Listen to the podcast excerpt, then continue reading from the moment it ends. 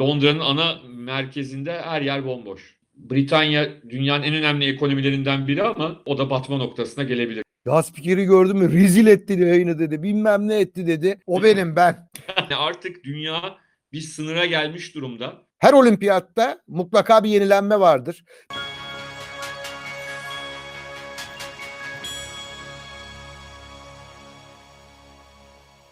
Merhaba Ateş Arabalarına hoş geldiniz.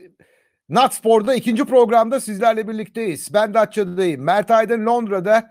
Mert Covid-19 gündemde. Salgın bayağı yayılmış durumda. Ben de çok merak ediyorum. Londra'da nasıl önlem alıyorlar? Sen ne yapıyorsun?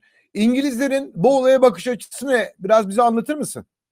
Ya ben şunu gördüm Ercan abi e, en başından beri yani ta işte e, Çin'den Avrupa'ya gelişinden itibaren dünya üzerinde hiçbir hükümet, hiçbir devlet, hiçbir sağlık e, teşkilatı böyle bir şeye hazırlıklı değilmiş. E, 2 Aralık'a kadar e, devam edecek bir durum bu. E, o da şu lockdown denilen bizde yanlışlıkla Türkiye'de e, sanki sokağa çıkma yasağı varmış gibi aksettirmiş öyle bir şey yok. Herkes sokağa çıkabiliyor. E, lockdown'un da durum şu. E, marketler, işte hastaneler gibi e, işte kasaplar, manavlar diyeyim e, gibi e, gerekli yerler haricinde her yer kapalı. Yani giyim mağazalarının tamamı kapalı mesela. E, restoranlar, kafeler e, de, publar da aslında ama publar bunu pek yapmıyor. Çoğu tamamen kapattı. Restoranlar ve kafeler diyelim paket servis yapıyorlar. Sadece e, dışarıya dışarı gelen insanlara e, işte yemek ya da içeceklerini veriyorlar. Onlar gidip evlerinde yiyorlar, içiyorlar. Böyle bir durum var. İşte şöyle deniyor işte e, belli yaşın üstündekiler fazla çıkmasın, maske takın, şudur budur. Dünyanın her yerinde standart olan şeyler. Onun dışında pek bir şey yapamıyorlar. Ana ana mesele bu. E, hele hele Aralık ayında bunların meşhur Noel alışverişi dönemi olacak. O dönemde her şeyi açık tutmak zorundalar. Yoksa e, hani Britanya dünyanın en önemli ekonomilerinden biri ama e, o da batma noktasına gelebilir. Çok fazla insan işini kaybediyor burada da. Çok büyük şirketler ciddi anlamda e, işçi çıkarıyorlar. Çalışan çıkarıyorlar. E, diğerlerine de evinizden çalışın diyorlar birçoğuna. E, o yüzden öyle bir e, kriz, öyle bir sıkıntı var. Geçenlerde bir işim nedeniyle şehrin içine giri, gideyim dedim. Biraz dışında yaşıyoruz. Şehrin içinde e, hani iş çıkış saati dediğimiz saatte trenle dönmem gerekiyordu. Eyvah dedim kalabalık olur. Normalde tıklım tıklım olur o trenler. E, bütün vagonda 3 kişi falandık yani. Hani bomboş. Londra'nın ana merkezinde her yer bomboş. Öyle söyleyeyim. Yani hayalet şehir gibi. Demek ki orada da e, çok büyük sıkıntı ve psikolojik etkilenme devam ediyor. Yüzde yüz, yüzde yüz. Ama okullar açık. Hala devam ediyorlar okullara. Okullar açık. Ee, hatta şöyle bir şey var. Bu e, BioNTech ve Pfizer'ın ortak aşısı ilk çıktığında alanlardan e, en büyük müşterilerden biri Büyük Britanya'ydı. E, hatta yayınladılar hangi e, sırayla o aşıların vurulacağını. Çocuklara vurmayacaklar aşıyı. Çünkü çocukların hafif genelde yüzde 90'ın üzerinde bir oranda hafif geçirdiklerini düşündükleri için e, onları aşı yapmayı düşünmüyorlar. Şu anda öyle. Bu haberi de senden almış oldum. Covid dedi hepimizi üzdü. Ve bir şampiyonu kaybettik bu yüzden. Reşit Karabacak'a. Dün bu programın çatısını kurarken ikinizin de aklında vardı Reşit Karabacak. Çok büyük bir şampiyondu. Ama maalesef bir virüs şampiyonu mağlup etti Mert. Evet hani 66 gibi günümüzde çok da genç sayabileceğimiz bir yaş. Ee, da maalesef hayatını kaybetti e, Reşit Karabacak. E, şöyle diyelim hani bazen çok kendimizi yaşlı hissediyoruz. Çok böyle e, geçmişe gidiyor gibi oluyoruz ama bunun böyle olduğunu o zaman böyle olduğunu tekrar hatırlatmak gerekiyor. Tek kanallı dönemde e, Türkiye'de e, o zaman 67 il vardı. Hani 67 ilde televizyon seyredebilen herkes e, Türkiye'nin başarılı sporcularının tamamına hakim ve e, hakimdi ve hepsini takdirle izleyebiliyorlar, izleyebiliyordu. Reşit Karabacak da bunlardan biriydi. 1983'te çok uzun yıllar sonra ilk kez güreşte bir Avrupa şampiyonu çıkardık ve e, işte Bulgar Kamberov'u e, yendiği maç canlı olarak e, yayınlandığında hani o zaman reyting ölçümü olsa herhalde zaten bir tek TRT var. Çok ciddi zaten şehir yüzde yüz olurdu herhalde. Ama Türkiye'nin çok büyük bölümünün e, doğusundan batısına o maçı izlediğini düşünüyorum. Aslında senin de zannediyorum e, TRT'ye giriş yılın 83. Hani e, o sırada girmiş miydin, e, orada mıydın bilemiyorum. Artık stajyerlik girmiştik 84'te tamamen yayıncı olduk. Evet. evet. TRT'de. E, Reşit 1984 ne anlama geliyor? Olimpiyatlar. Sonra Olimpiyat. değineceğiz bunu. Tabii. Ama Reşit'le ilgili şunu söylemem lazım. Ben Avrupa şampiyon olacağım diye zaten mesajı veriyordu. İşte Balkan şampiyonluğu, Akdeniz oyunları şampiyonluğu derken o Avrupa şampiyonluğu e, Türk güreşi için çok önemliydi. Tamamıyla yokuş aşağı gidiyordu çünkü Türk güreşi. Evet. Bir mihenk taşıydı diyebiliriz. Yani Salih Bora'nın devamlı aldığı ikincilikler vardı ağırlıklı olarak. Ee, ama ondan sonra yeniden Türk güreşinin e, yavaş yavaş yükselmeye başladığının en önemli sinyaliydi. Ama e, o Avrupa şampiyonluğundan sonra hepimiz olimpiyat oyunlarında ki olimpiyat oyunlarında e, herkes bilir e, Doğu bloku ülkelerinin katılmayacağı bir olimpiyat oyunlarında Reşit Karabacak'ın belki olimpiyat altını, olimpiyat madalyası alması çok da büyük bir sürpriz olmayacaktı. Ama Yani Batı bloku 80'i nasıl e, gitmediyse, boykot yaptıysa aynı şeyi Doğu bloku da 1984'te Los Angeles Olimpiyatları için yaptı. Bu yüzden de bizim güreşçimizin altın madalya şansı bayağı yükselmişti. Doğru.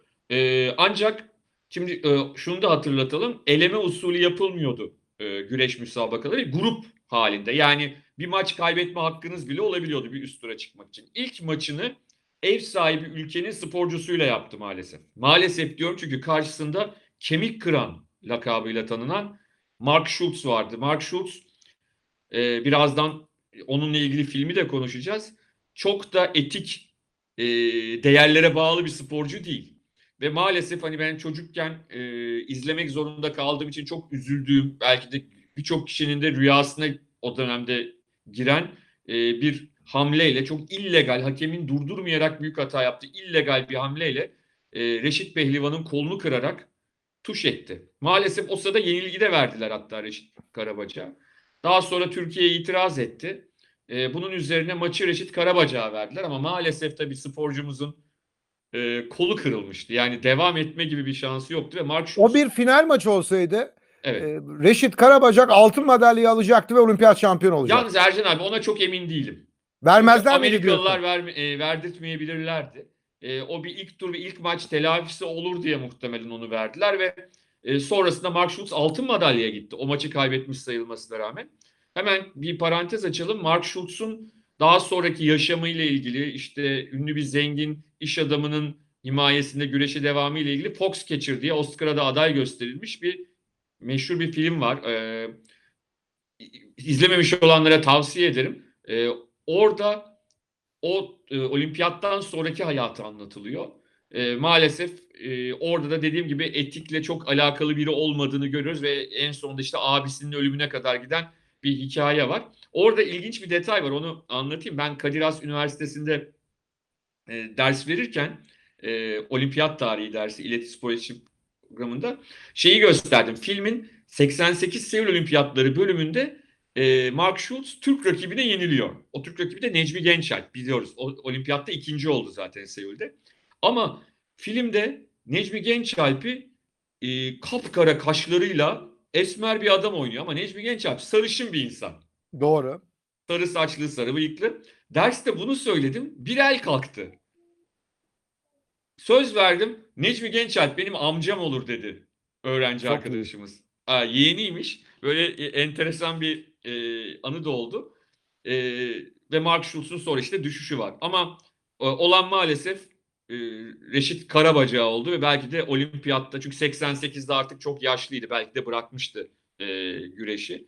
E, çok formda olduğu bir dönemde bir olimpiyat madalyasından olduğunu açıkçası e, ben düşünüyorum. Ama benim aklıma bir şey daha geliyor. E, olimpiyat ve güreş deyince. Genç bir e, TRT spikerinin yaşadığı enteresan bir anı var. O benim ben. Ee, şöyle söyleyeyim. e, Reşit Karabacan Şus'la ilgili bir röportaj yapmışlar kendisiyle. Ve son derece esasında çarpıcı bir vurgusu var. İyi bir pehlivan değildi diyor. Zaten ondan sonrasını da diyor e, Yaşar Doğu turnuvası olsun, başka özel turnuvalar olsun gösterdi diyor. O kuvvetiyle diyor bir şeyler yapmaya çalışıyordu. Güreşi iyi bilmezdi. Ama benim kolumu kırması tabii ki fauldü. Yazık keşke finalde karşılaşsaydık diyor Reşit Karabacak. Gelelim benim yaşadığıma. 1989 Los Angeles. Biz Ankara'dayız. Çaylak spikeriz. TRT'deyiz o zaman. Güreş yayını var. İşte Serhat Karadağ'ın maçları bitti. Tansu abi anlatıyor güreşleri. Güreş demek yine büyük heyecan demek. Ses kesildi hadi sen gir dediler bana. Of tüplüyoruz ona. Ankara'dan yardımcı olmaya çalışacağım. Şimdi bakıyorum biri Yunan, biri İsviçre. O zaman da altyazı denilen olay fazla gelişmemiş durumda. Allah'ım dedim kendi kendime kim acaba Yunan ne olabilir, İsviçreli kim olabilir diye düşünürken şöyle keskin zekamı konuşturdum. Türk zekası derler ya buna. Kendi kendime şunu dedim. İsviçreli mutlaka sarışındır. Yunan da esmerdir. Kafamda öyle bir değerlendirme yaptım.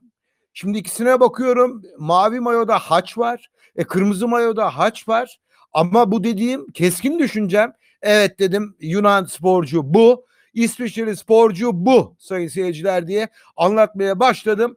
O sırada ekrana isimler geç kalan o isimler verilmeye başladı. Bir baktım tam tersiymiş Mert. Büyük bir rezillik yaşıyoruz o anda. Ondan sonrası ağzımdan Polonyalı çıktı. Ya kendimi kaybettim ya. Çaylak bir spikerin yapacağı bütün hataları arka arkaya ge- gerçekleştirdim. Neyse o akşam bitti işte rezil olmuşum. Ağlayacağım sinirimden. Sonra Yeşilçam'dan bir yönetmen abimiz var. Hep beraber yemeğe gittik. İsmi lazım değil sağ olsun. Bana döndü dedi ki ya akşam güreş yayını seyrettin mi dedi TRT'de. Bütün Türkiye onu konuşuyor. Tek kanal var. Evet seyrettim dedim ben. Ya spikeri gördün mü? Rezil etti yayını dedi. Bilmem ne etti dedi. Ya size bir şey söyleyeyim mi dedim. O bendim dedim. Esasında fena değildi dedi. Esasında fena değil dedi ama gırgıra bayağı yarı kapak oldum. Meşhur mizah dergimize. Bu bana iyi bir ders oldu onu söyleyebilirim. Daha spor iç sayfalara geçmemişti. Sabah güne başlamak isterken e, günün arka sayfasıyla yani spor sayfasıyla başlayabilirdiniz.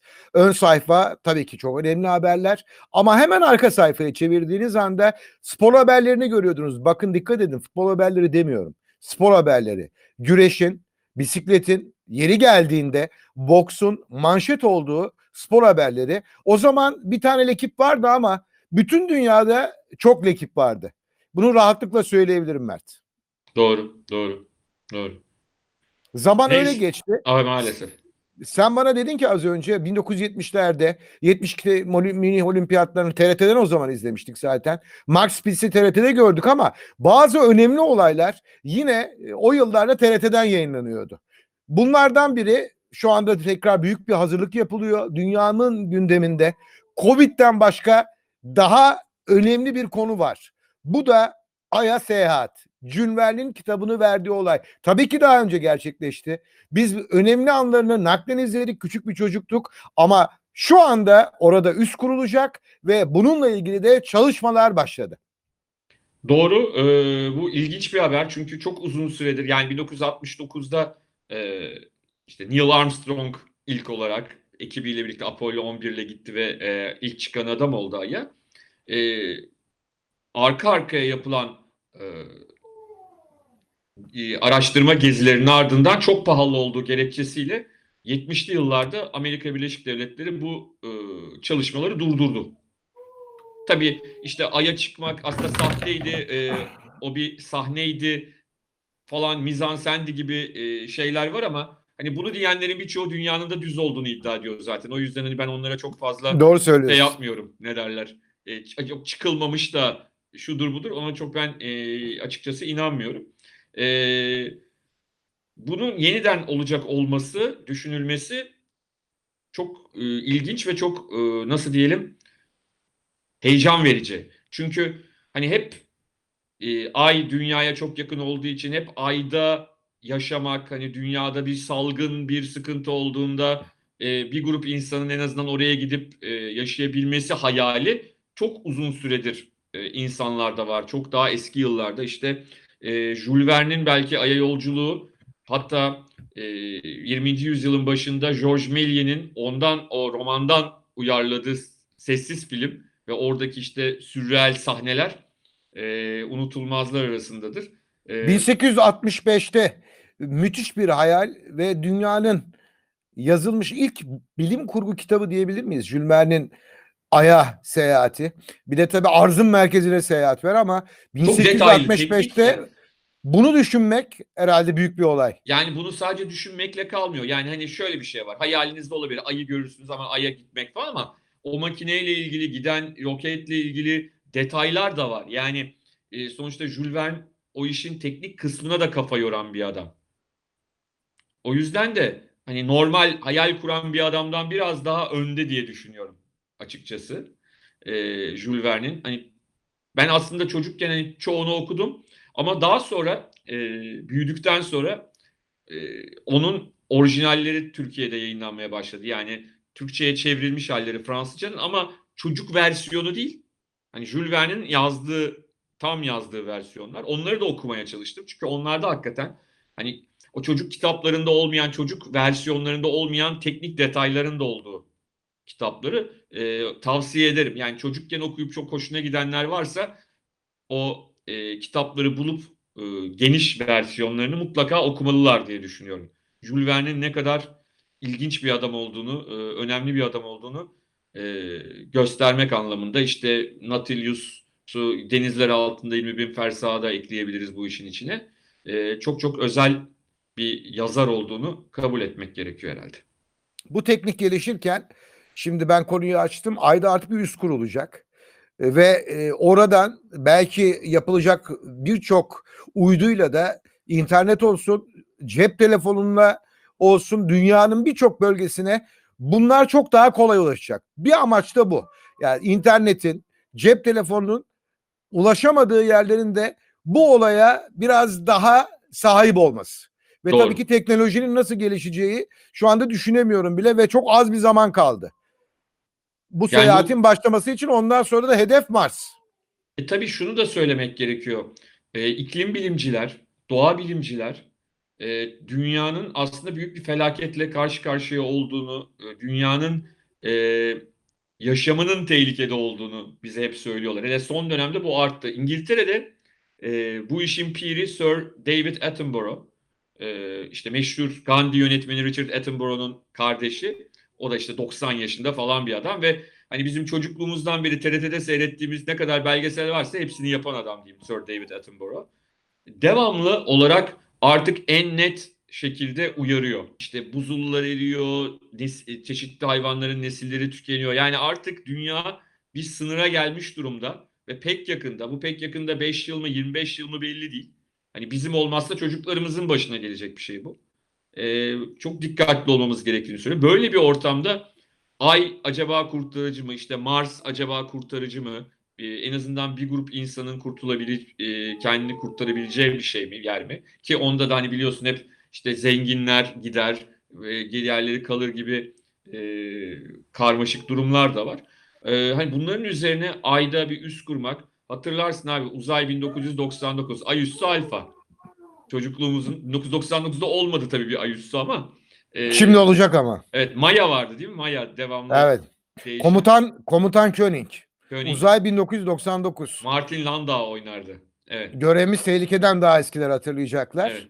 Bu arada e, Apollo 13'ün de başına gelenlerin bir film haline getirildiğini, Ron Doğru. Howard'ın yönetmeni olduğunu ve bu filmde şunu söyleyebilirim Tom Hanks'in başrolünde oynadığı bu filmi sinema severlerin kaçırmaması lazım. Doğru ama Bunu ben unuttuk mu acaba diye düşündüm ama hayır Yok. bu filmi unutmadık. Bayağı heyecanlı ve gerçeğe yakın çevrilmiş bir filmdir. Evet yani Apollo 13 az daha e, ne diyeyim kim vurduya gidiyormuş yani e, Ay'a gideyim derken. Ama ben bir itirafta bulunayım ben çok sıkıldım filmde.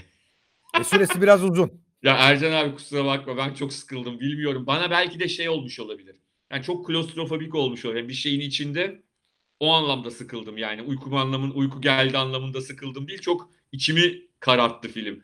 Öyle söyleyeyim ama Tom Hanks hani bin bir yüzlü bir adam hani komedi filminde o, o macerada burada yine e, oyunculuğunu konuşturuyor e, Apollo 13'te de. E, ama bakalım bu Apollo'ların devamı ne getirecek dünyaya? Umarım çünkü biliyorsun bu insanoğlunun aklı her zaman e, kötüye çalışıyor. Muzurluğa Kesinlikle çalışıyor. öyle. E, bu ay, ayda üst kurma meselesi felaket başka bir şeye neden olmasın. Tek benim e, kafamdaki şey bu yani. Bir sıkıntı olmasın. Mert ayı bırakalım şimdi yerinde dursun. 1984'e olimpiyatlara dönelim. 1984 olimpiyatları şöyle gözün önüne geldiğinde atletizmde neler yaşanmıştı o 1984'te? Atletizm dünyası her olimpiyatta mutlaka bir yenilenme vardır. Bize neler göstermişti? Bizlere neler öğretmişti? 1984 Los Angeles Olimpiyatları atletizm bölümünün herhalde e, en büyük yıldızı Carl Lewis'ti. 4 altın madalya. Jesse Owens'ın 1936'da başardığını e, 1984'te Los Angeles'ta başardı. 100, 200, 4 çarpı 100 ve uzun atlama. Ki şöyle diyelim e, 4 olimpiyatta e, yarıştı daha sonra toplam. Dördünde de uzun atlamayı kazandı.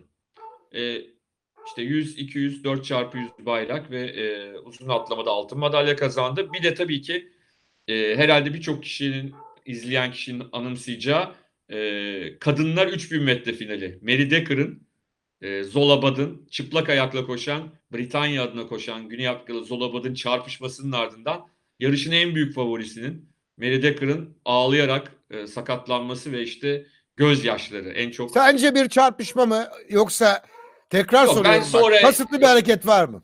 Bence yok. Ya ben daha sonra izlediğimde hani o zaman e, çocuktuk.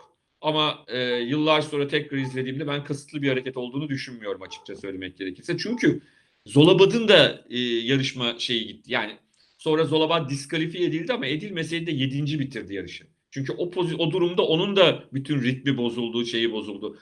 Şimdi biliyorsun o tip işte e, kalabalık ve uzun yarışlarda yer pozisyon alma mücadelesi her zaman itiş kakış, takılma maalesef çok fazla görürüz. O da onlardan biri. Yani Mary Decker'ın ev sahibi ülkeden olması da birazcık e, Zolabad'ın bence e, diskalifiye edilmesine neden oldu. Ama sonuçta Mary Decker e, olimpiyat şampiyonu hiçbir zaman olamadı. Çünkü 80'de olabilirdi, ülkesi katılmadı. 84 sonra 88'de artık iyice yaşlanmıştı. E, o hani tek o büyük şansı kullanamadığı için de ağlıyordu bence acının yanında. E, en çok hani insanların hatırladığı e, şeylerden, görüntülerden bir tanesi. Bir tanesi Ulrike Meyfart'ın 1972'de en genç uzun atlı, yüksek atlama kadınlar şampiyonu olup 16 yaşında. 84'te de 28 yaşında en yaşlısı olması. Yani 12 yıl sonra yeniden e, olimpiyat şampiyonu olurken şeyin değişmesi, unvanının de, farklı şekilde e, değişmesi yine benim e, çok e, güzel şekilde hatırladığım hikayelerden bir tanesi. Bu olimpiyat hikayesini açtık. Olimpiyat yılındayız çünkü. Olimpiyatlarla ilgili daha çok bilgi, daha çok anı var. Biraz Ay'a da seyahat edelim dedik. Çünkü bütün hazırlıklar tamamlanmış durumda. E, Jules Verne'den de konuşmadan olmaz. Ben Datça'dan, sen de Londra'dan programı kapatalım. Kapatalım. Hoşça Hadi kalın. görüşürüz. Hoşçakalın.